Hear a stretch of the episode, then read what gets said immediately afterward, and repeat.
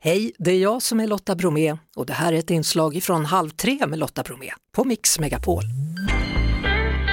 Nu ska vi prata med en institution kan man nästan säga. Den 1 december 1966 så byggdes den första bocken upp i Gävle och traditionsenligt då på söndag första advent är det invigning och i detta nu så håller årets Gävlebock på att byggas ihop. Och Anna-Karin Niman är Gävlebockens talesperson. Hallå hallå! Hallå, hallå! Hur funkar det här? Är det lite som lego att bygga ihop den eller? ja, ja, men det skulle man kunna säga. Så är det, fast lite stora legobitar då. Ja, och det här har då föregåtts av ett enormt hantverk har jag förstått. Ja, absolut. Det, ja, man kan ju föreställa sig, det är 12 000 eh, halmknutar som ska knytas och allting görs för hand. Eh, 56 halmmattor, ja, fem meter långa, så att, eh, det är mycket arbete bakom det här. Ja, och mm. halmen då, den kommer som en restprodukt från, från whisky då, Mackmyras whisky som tillverkas i trakten. Eh, ja. Hur är det att vara talesperson för en bock? Det känns väldigt hedersamt, det är första gången för mig så det är premiär.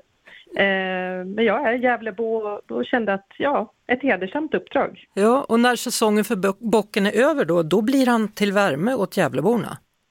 Ja, men det stämmer. Stommen eh, sparar vi ju till nästa år, men mm. halmen den blir värme till Gävleborna. Så då eldar ni upp den på egen hand alltså?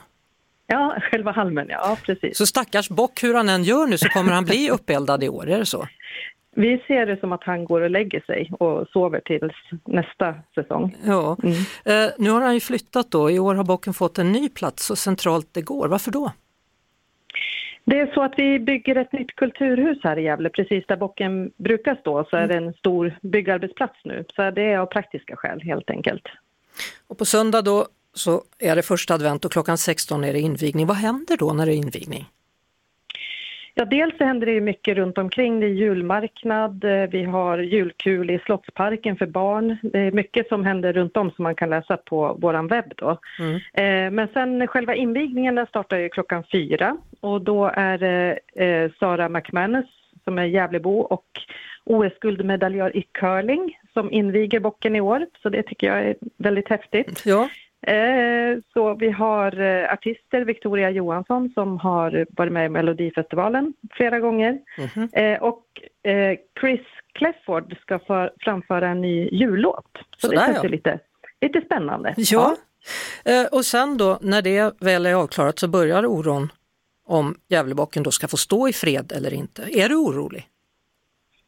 Nej, jag väljer att fokusera på julstämningen och ja. alltså han, står, han står ju väldigt, väldigt fint. Han står så centralt man kan komma i Gävle just nu, ja. skulle jag tro. Ja. Men, men har ni satt liksom någonting runt honom så att man inte kan gå fram och tända eld eller?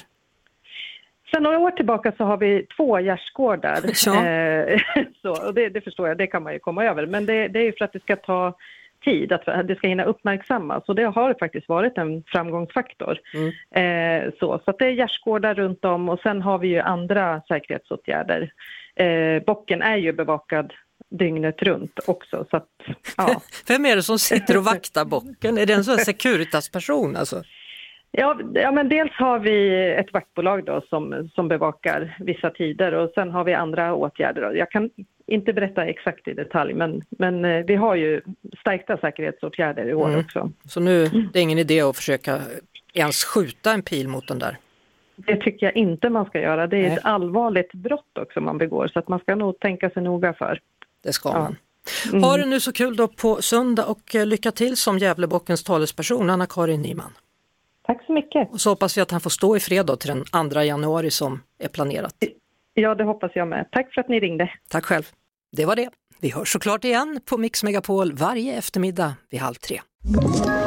Ett poddtips från Podplay. I fallen jag aldrig glömmer djupdyker Hasse Aro i arbetet bakom några av Sveriges mest uppseendeväckande brottsutredningar går vi in med hemlig telefonavlyssning och, och då upplever vi att vi får en total förändring av hans beteende. Vad är det som händer nu? Vem är det som läcker? Och så säger han att jag är kriminell, jag har varit kriminell i hela mitt liv men att mörda ett barn, där går min gräns.